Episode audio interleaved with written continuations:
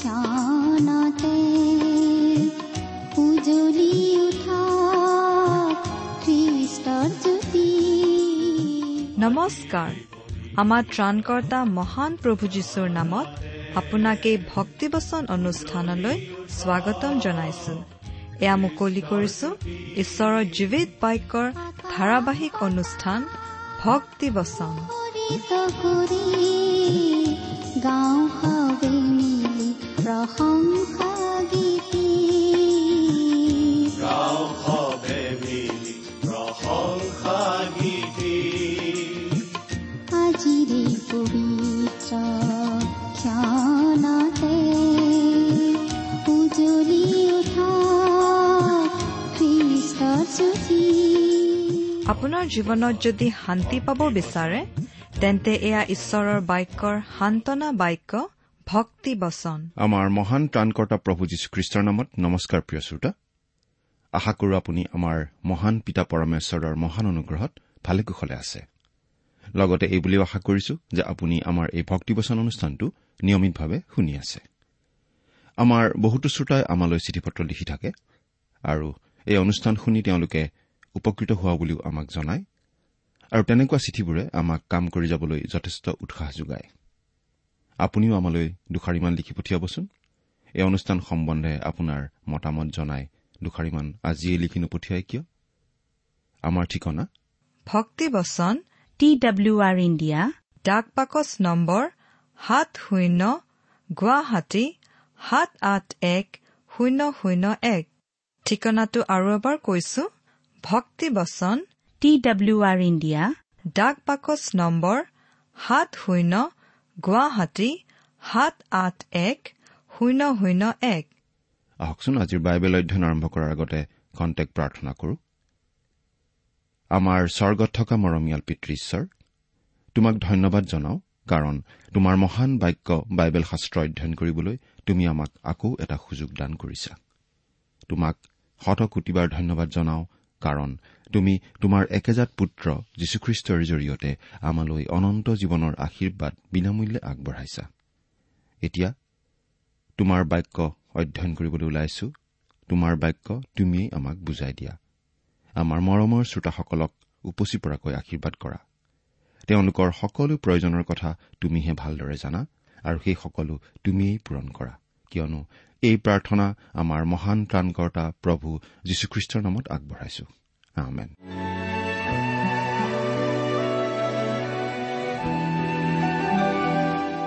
প্ৰিয় শ্ৰোতা আপুনি বাৰু আমাৰ এই ভক্তিবচন অনুষ্ঠানটো নিয়মিতভাৱে শুনি আছেনে? যদিহে আপুনি আমাৰ এই অনুষ্ঠানটো নিয়মিতভাৱে শুনি আছে তেনেহলে আপুনি নিশ্চয় জানে যে আমি আজি কিছুদিন ধৰি বাইবেলৰ নতুন নিয়ম খণ্ডৰ ইব্ৰীবিলাকৰ প্ৰতি পত্ৰ নামৰ পুস্তকখন অধ্যয়ন কৰি আছো। নহয়নে বাৰু? আপুনি বাৰু আমাৰ যোৱা অনুষ্ঠানটো শুনিছিল নে আমি কি আলোচনা কৰিছিলো আপোনাৰ নিশ্চয় অলপ হলেও মনত আছে? যোৱা অনুষ্ঠানত আমি এই ইব্ৰী পুস্তকৰ তিনি নম্বৰ অধ্যায়ৰ ছয় নম্বৰ পদলৈকে পঢ়ি আলোচনা আগবঢ়াইছিলো। নহয় জানো? গতিকে আজিৰ অনুষ্ঠানত আমি এই ইব্ৰী পুস্তকৰ তিনি নম্বৰ অধ্যায়ৰ সাত নম্বৰ পদৰ পৰা আমাৰ আলোচনা আৰম্ভ কৰিব খুজিছো। এই ইব্ৰী পুস্তকৰ তিনি নম্বৰ অধ্যায়ৰ সাত নম্বৰ পদৰ পৰা চাওঁতে আমি বিশেষভাৱে এটা কথা পাওঁ আৰু সেইটো হৈছে সন্দেহ কৰাৰ পৰা হ'ব পৰা বিপদ। সন্দেহৰ পৰা হ'ব পৰা বিপদ। এতিয়া আমি বাইবেলৰ পৰা পাঠ কৰি দিব খুজিছো। ইব্ৰী তিনি নম্বৰ অধ্যায়ৰ সাত নম্বৰ পদ। ইয়াত এনেদৰে লিখা আছে এইকাৰণে পবিত্ৰত্মাই কোৱাৰ দৰে আজি যদি তোমালোকে তেওঁৰ মাত শুনিবলৈ পোৱা মন কৰিছেনে প্ৰিয় শ্ৰোতা? আমি ইয়াত আকৌ এবাৰ এই কাৰণে বুলি কোৱা শব্দখিনি পাইছো। এই কাৰণে বুলিয়েই এই অংশটো আৰম্ভ কৰা হৈছে। তিনি নম্বৰ অধ্যায়ৰ প্ৰথম পদটো আৰম্ভ কৰা হৈছিল এই কাৰণে বুলি। আকৌ এতিয়া সাত নম্বৰ পদত আমি এই কাৰণে বুলি কোৱা পাইছো। আমি আকৌ দহ নম্বৰ পদত তাৰ কাৰণে বুলি কোৱা পাম। এইটো বিশেষভাৱে মন কৰিবলগীয়া কথা। এইটো দৰকাৰী কথা। আমি ইতিমধ্যেই এই বুলি কৈছিলো যে ই হৈছে এখন দুয়োপিনে খোল খাব পৰা দুৱাৰৰ নিচিনা। আগপিনেও খোল খায় পাছপিনেও খোল খায় বাহিৰৰ পিনেও খোল খায় ভিতৰৰ পিনেও খোল খায় তেনেকুৱা এখন দুৱাৰৰ নিচিনা। অৰ্থাৎ ই অতীতৰ পিনেও খোল খায় ভৱিষ্যতৰ পিনেও খোল খায়। তদুপৰি স্বৰ্গলৈ যোৱা আলিবাটটোত এইটো এটা বিপদ সংকেত জনোৱা জাননী ফলকৰ নিচিনা। আচলতে ই আমাক সাৱধানবাণী জনাই থাকে। ৰৈ যোৱাৰ আগতে দুয়োপিনে চাবা কোনোবা পগলা ড্ৰাইভাৰে ৰাস্তাৰ ভুল দিশৰ পৰা আহি খুন্দা মাৰি দিব পাৰে। এনেকুৱা ধৰণে লিখি থোৱা এখন ছাইনবৰ্ডৰ নিচিনা ই আমাক সাৱধান কৰি দিয়ে। গতিকে অৰ্থাৎ ইতিমধ্যে যিখিনি কথা হ'ল তাৰ ভিত্তিত যদিহে ভাওবাদীসকলে কোৱা কথা স্বৰ্গদূতসকলে কোৱা কথা তেওঁলোকে জনোৱা কথা আৰু মুচিয়ে জনাই দিয়া কথাবোৰ ইমান দৰকাৰী আছিল যীশুখ্ৰীষ্টই কোৱা কথাবোৰৰ গুৰুত্ব কিমান হ'ব? এইবুলি ইয়াত বুজোৱা হৈছে যে যদিহে তেওঁলোকৰ কথা ইমান গুৰুত্বপূৰ্ণ আছিল গতিকে যীশুখ্ৰীষ্টই কোৱা কথাবোৰৰ গুৰুত্ব তাতকৈ বহুগুণে বেছি। যীশুখ্ৰীষ্টৰ বিষয়ে মনত সন্দেহ জন্মাৰ ক্ষেত্ৰত আমি যথেষ্ট সাৱধান হ'ব লাগে। এইকাৰণে পবিত্ৰত্মাই কোৱাৰ দৰে পবিত্ৰ আত্মাইনো আমাক কি কয়? পবিত্ৰ আত্মাই আমাক এই বুলি কৈছে আজি যদি তোমালোকে তেওঁৰ মাত শুনিবলৈ পোৱা এইটো গীতমালা পঁচানব্বৈ নম্বৰ গীতৰ সাতৰ পৰা এঘাৰ পদলৈ উদ্ধতি দিবলৈ আৰম্ভ ইয়াত কৰা আমি দেখিছো। আঠ নম্বৰ পদৰ পৰা চালে আমি সেইটো দেখা পাওঁ। আজি যদি তোমালোকে তেওঁৰ মাত শুনিবলৈ পোৱা বুলি সেই উদ্ধতি দিবলৈ আৰম্ভ কৰা হৈছে আৰু পিছৰ পদকেইটাত আমি সেই উদ্ধতি পাওঁ। পাঠ কৰি দিম আঠৰ পৰা এঘাৰ নম্বৰ পদলৈকে। তেন্তে বিদ্ৰোহৰ ঠাইত যেনেকৈ তেনেকৈ তোমালোকৰ হৃদয় কঠিন নকৰিবা। অৰণ্যৰ মাজত পৰীক্ষাৰ দিনা কৰাৰ দৰে নকৰিবা। তাত তোমালোকৰ ওপৰ পুৰুষসকলে পৰীক্ষা চোৱাৰ দ্বাৰাই মোৰ পৰীক্ষা কৰিলে আৰু দুকুৰি বছৰলৈকে মোৰ কৰ্ম দেখিলে। তাৰ কাৰণে মই এই জাতিত বিৰক্ত হৈ কলো এওঁবিলাকে সদায় ভ্ৰান্তচিত্ৰৰ লোক। কিন্তু তেওঁবিলাকে মোৰ পথ নাজানিলে। তাতে মই ক্ৰোধত এই শপত খালো। এওঁবিলাকে মোৰ বিশ্ৰামত সোমাবলৈ নাপাব। আমি বিশ্বাস কৰো যে গীতমালাৰ প্ৰতিটো গীততেই আচলতে প্ৰভু যীশুখ্ৰীষ্টৰ কথাই আছে।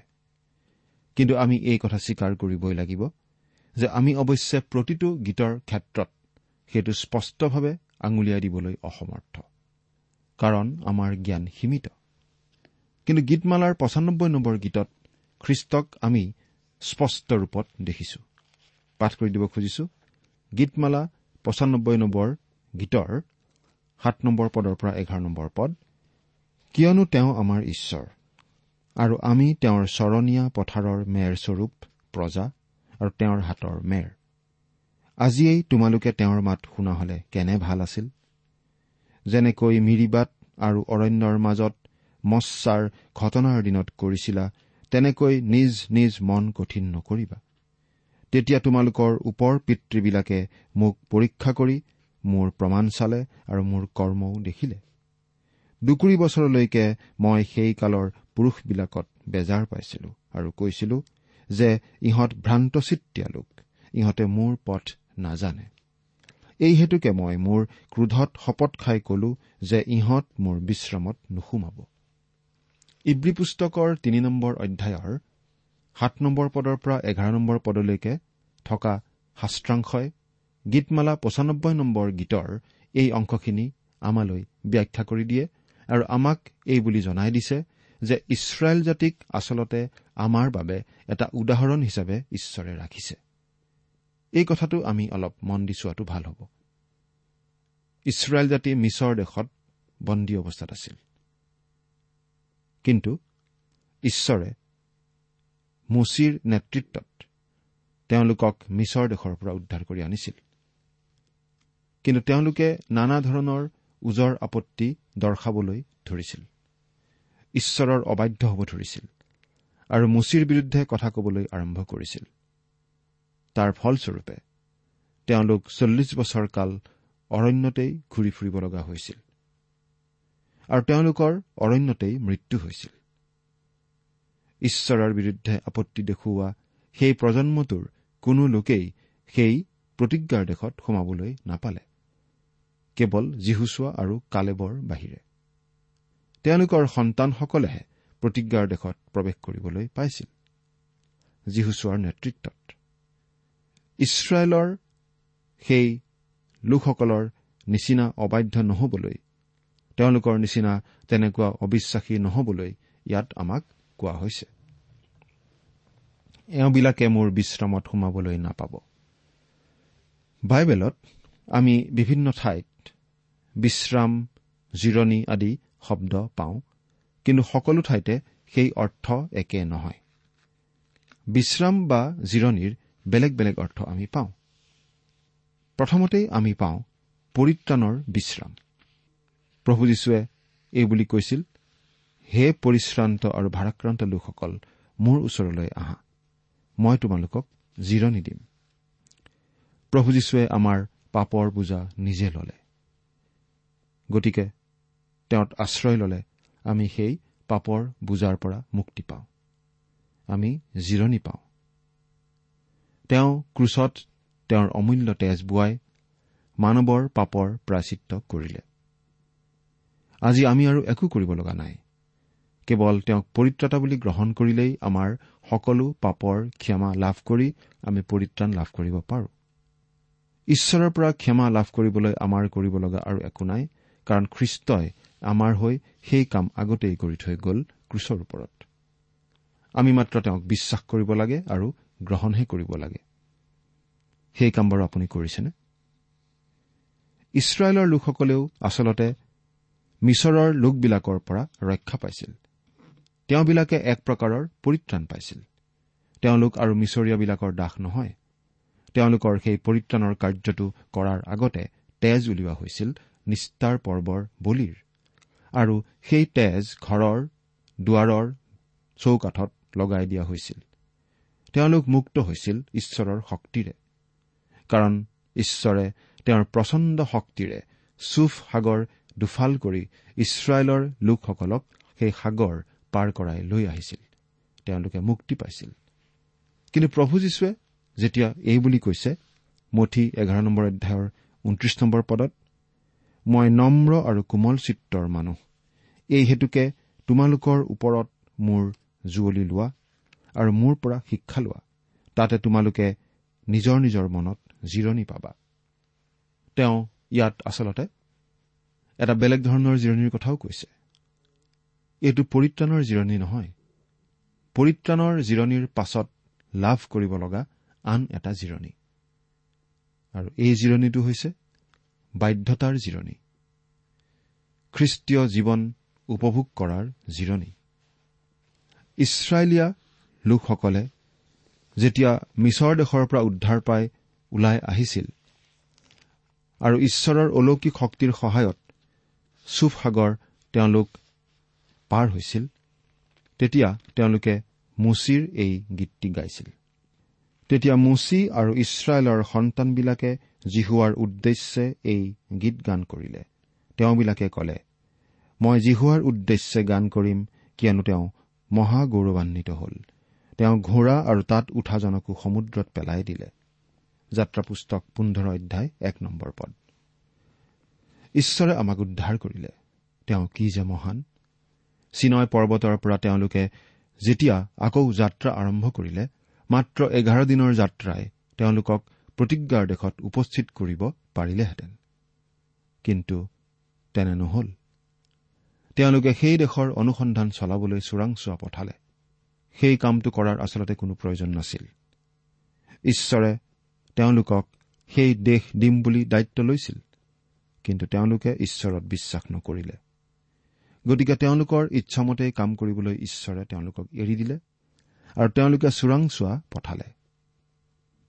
চোৰাংচোৱাকেইজনে সেই ধুনীয়া দেশখন দেখিলে যদিও তাত বাস কৰা বিয়াগুম চেহেৰাৰ মানুহবোৰেহে তেওঁলোকৰ দৃষ্টি বেছিকৈ আকৰ্ষণ কৰিলে। সেই ভয়ানক মানুহবোৰৰ আগত নিজকে সামান্য পোক পতংগ যেন তেওঁলোকে দেখিলে। তেওঁলোকে ঈশ্বৰক নেদেখিলে। তেওঁলোকে উভতি আহি এটা ভুল প্ৰতিবেদন দাখিল কৰিলে। কেৱল কালেব আৰু যীশুচুৱাইহে কলে যে যদিহে তেওঁলোকে বিশ্বাস কৰে তেনেহলে ঈশ্বৰে সেই দানৱ যেন মানুহবোৰক পৰাস্ত কৰিবলৈ তেওঁলোকক সহায় কৰিব। কিন্তু মানুহবোৰে সংখ্যাগৰিষ্ঠৰ প্ৰতিবেদনহে গ্ৰহণ কৰিলে। আৰু তেওঁলোকে সেই যাত্ৰাত চল্লিছ বছৰ কটাবলগীয়া হ'ল যিটো যাত্ৰা আচলতে মাত্ৰ কেইদিনমানৰ যাত্ৰা আছিল। প্ৰিয় শ্ৰোতা সেইকাৰণেই আমি ভাবো যে ঈশ্বৰৰ কাৰ্যৰ বাবে আচলতে কমিটি গঠন কৰি বিশেষ একো লাভ নহয় বৰং কেতিয়াবা লোকচানহে হয়। অৰ্থাৎ তেওঁলোকে সেই প্ৰতিজ্ঞাৰ দেশত সোমাবলৈ ঈশ্বৰক বিশ্বাস কৰিব নোৱাৰিলে। তেওঁলোকে মিছৰ দেশৰ পৰা উদ্ধাৰ পাবলৈ ঈশ্বৰত বিশ্বাস ঠিকেই কৰিছিল। কিন্তু কণান দেশত সোমাবলৈ তেওঁলোকে ঈশ্বৰত বিশ্বাস কৰিব নোৱাৰিলে।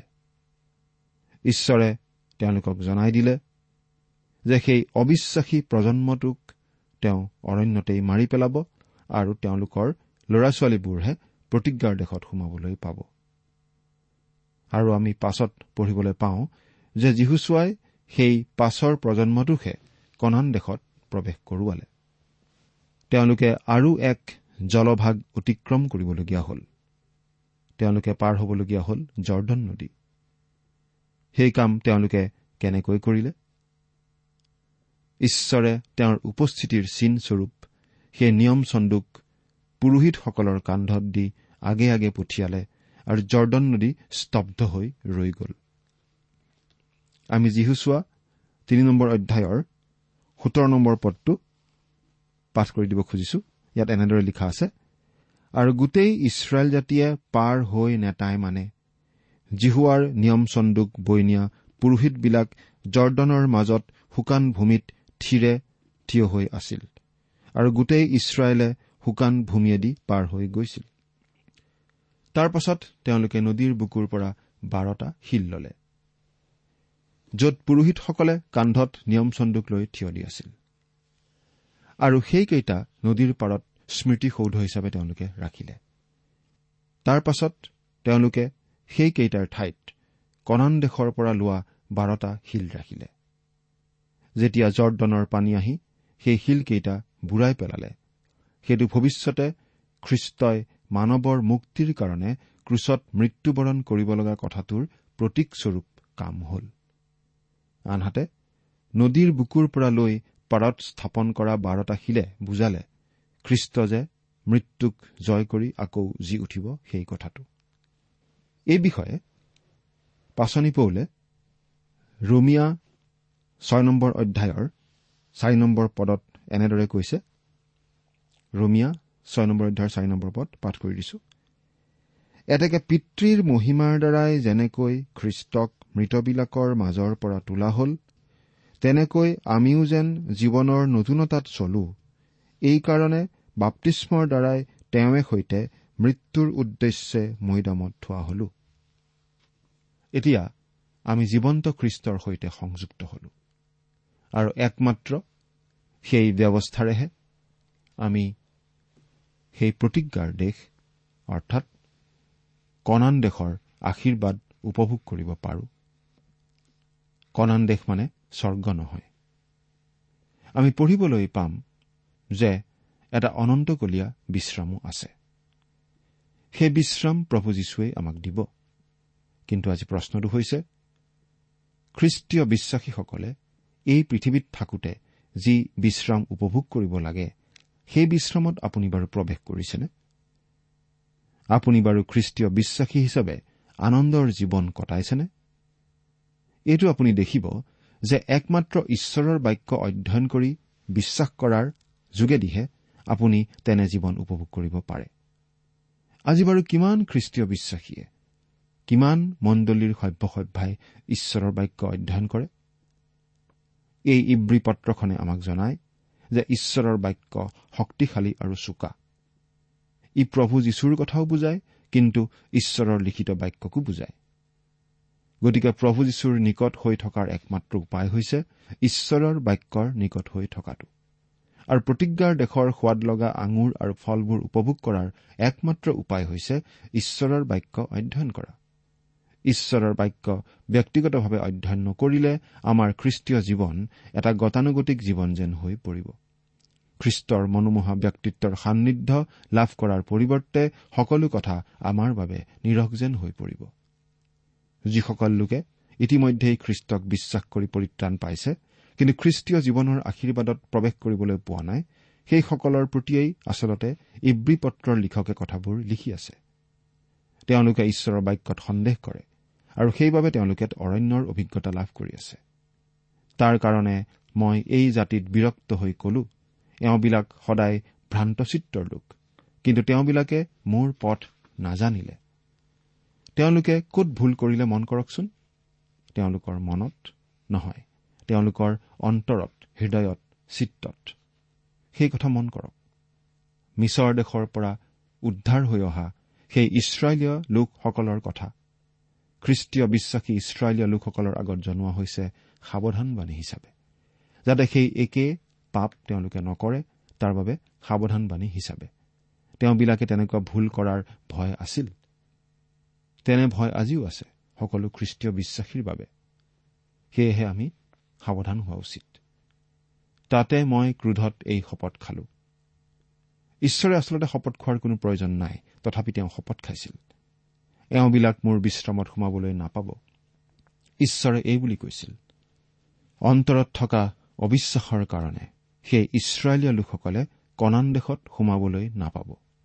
প্ৰিয় শ্ৰোতা প্ৰভু যীশুক ত্ৰাণকৰ্তা বুলি বিশ্বাস কৰি গ্ৰহণ কৰাৰ পাছত তেওঁতেই সকলো সমৰ্পণ কৰি নচলিলে। আমিও কণান দেশৰ আনন্দ উপভোগ কৰিবলৈ নাপাওঁ। কিন্তু দুখৰ বিষয় যে আজি আমাৰ মণ্ডলীসমূহত অৰণ্যত ঘূৰি ফুৰা খ্ৰীষ্টীয় বিশ্বাসী লোক অনেক আছে। অৰণ্য হৈছে মৃত্যুৰ ঠাই অশান্তিৰ ঠাই লক্ষ্যহীনতাৰ ঠাই অসন্তুষ্টিৰ ঠাই। সেই অৰণ্যত থকা ইছৰাইলীয় লোকবিলাকক ঈশ্বৰে এই বুলি কৈছিল তোমালোকে প্ৰকৃত বিশ্ৰাম কি জানিবলৈ নোপোৱা? আজিও বহুতো খ্ৰীষ্টীয় বিশ্বাসীয়ে প্ৰকৃত বিশ্ৰাম কি তাৰ অভিজ্ঞতা লাভ কৰা নাই।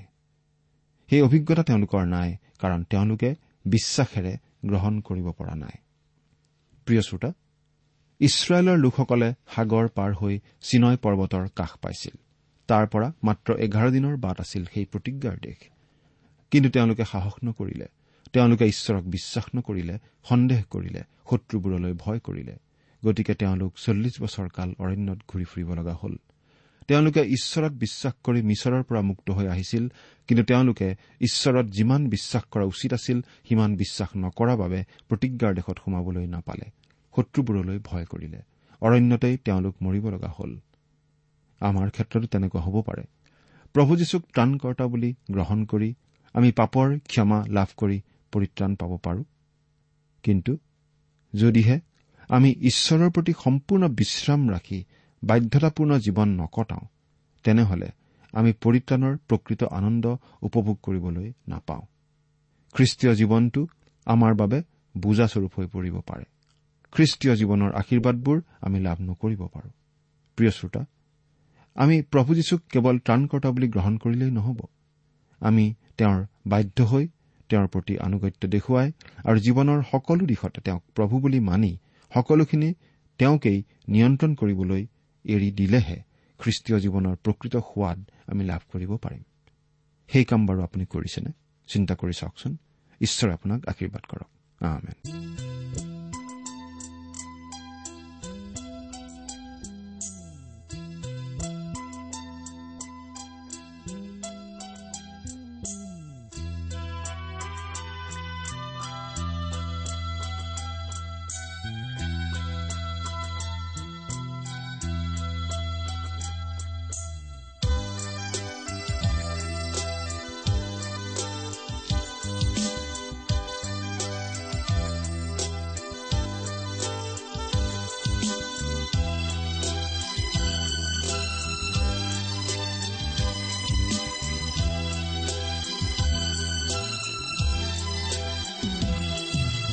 তোমাকে প্ৰেম কৰো।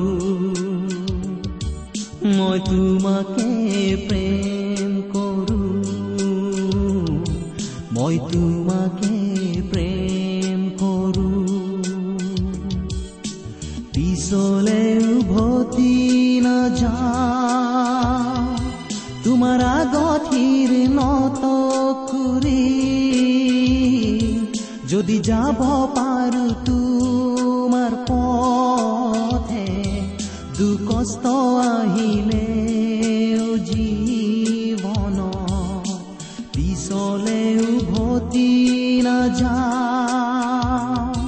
তোমাৰ আগঠিৰ নত কৰি যদি যাব পাৰো তোমাৰ পথে দুকষ্ট আহিলে ইমান পৰে আপুনি ভক্তিবচন অনুষ্ঠানটি শুনিলে। অনুষ্ঠানটি শুনি কেনে পালে আমালৈ চিঠি লিখি জনাবচোন। অনুষ্ঠানত প্ৰচাৰ কৰা কোনো কথা বুজিব লগা থাকিলেও আমালৈ লিখক আমাৰ ঠিকনা ভক্তিবচন টি ডাব্লিউ আৰ ইণ্ডিয়া ডাক পাকচ নম্বৰ সাত শূন্য গুৱাহাটী সাত আঠ এক শূন্য শূন্য এক। ঠিকনাটো আৰু এবাৰ কৈছো ভক্তিবচন টি ডাব্লিউ আৰ ইণ্ডিয়া ডাক বাকচ নম্বৰ সাত শূন্য গুৱাহাটী সাত আঠ এক শূন্য শূন্য এক। আপুনি ইমেইল যোগেৰেও আমাৰ সৈতে যোগাযোগ কৰিব পাৰে। আমাৰ ইমেইল আইডিটো হৈছে Assamese T TV at radio' eight eight two dot com. আইডিটো আকৌ এবাৰ কৈছো। Assamese T TV at radio' eight eight two dot com. আপুনি টেলিফোনৰ মাধ্যমেৰেও আমাক যোগাযোগ কৰিব পাৰে। আমাৰ টেলিফোন নম্বৰটো হৈছে শূন্য তিনি ছয় এক দুই ছয় শূন্য চাৰি ছয় সাত এক। ফোন নম্বৰটো আকৌ এবাৰ কৈছো zero' three six one two six zero' four six seven one. আজিৰ অনুষ্ঠানটি ইমানতে সামৰিছো। ঈশ্বৰৰ শান্তি আৰু অনুগ্ৰহ আপোনাৰ লগত থাকক। ধন্যবাদ। তোমাৰ কৰি যদি যাব পাৰো দুকষ্ট আহিলে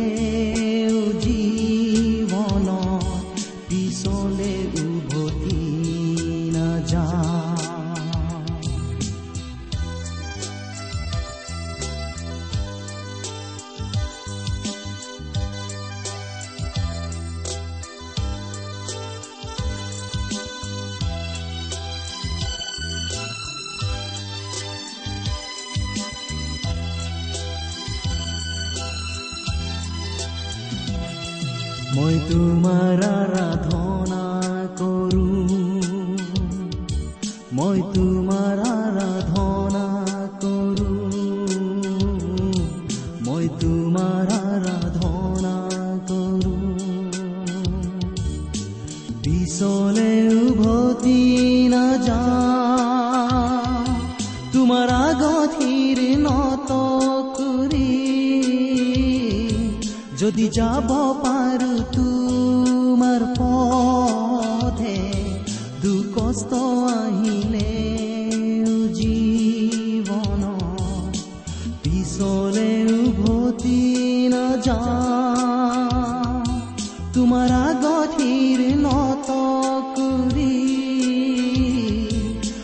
যাব পাৰো তোমাৰ পথে দুকষ্ট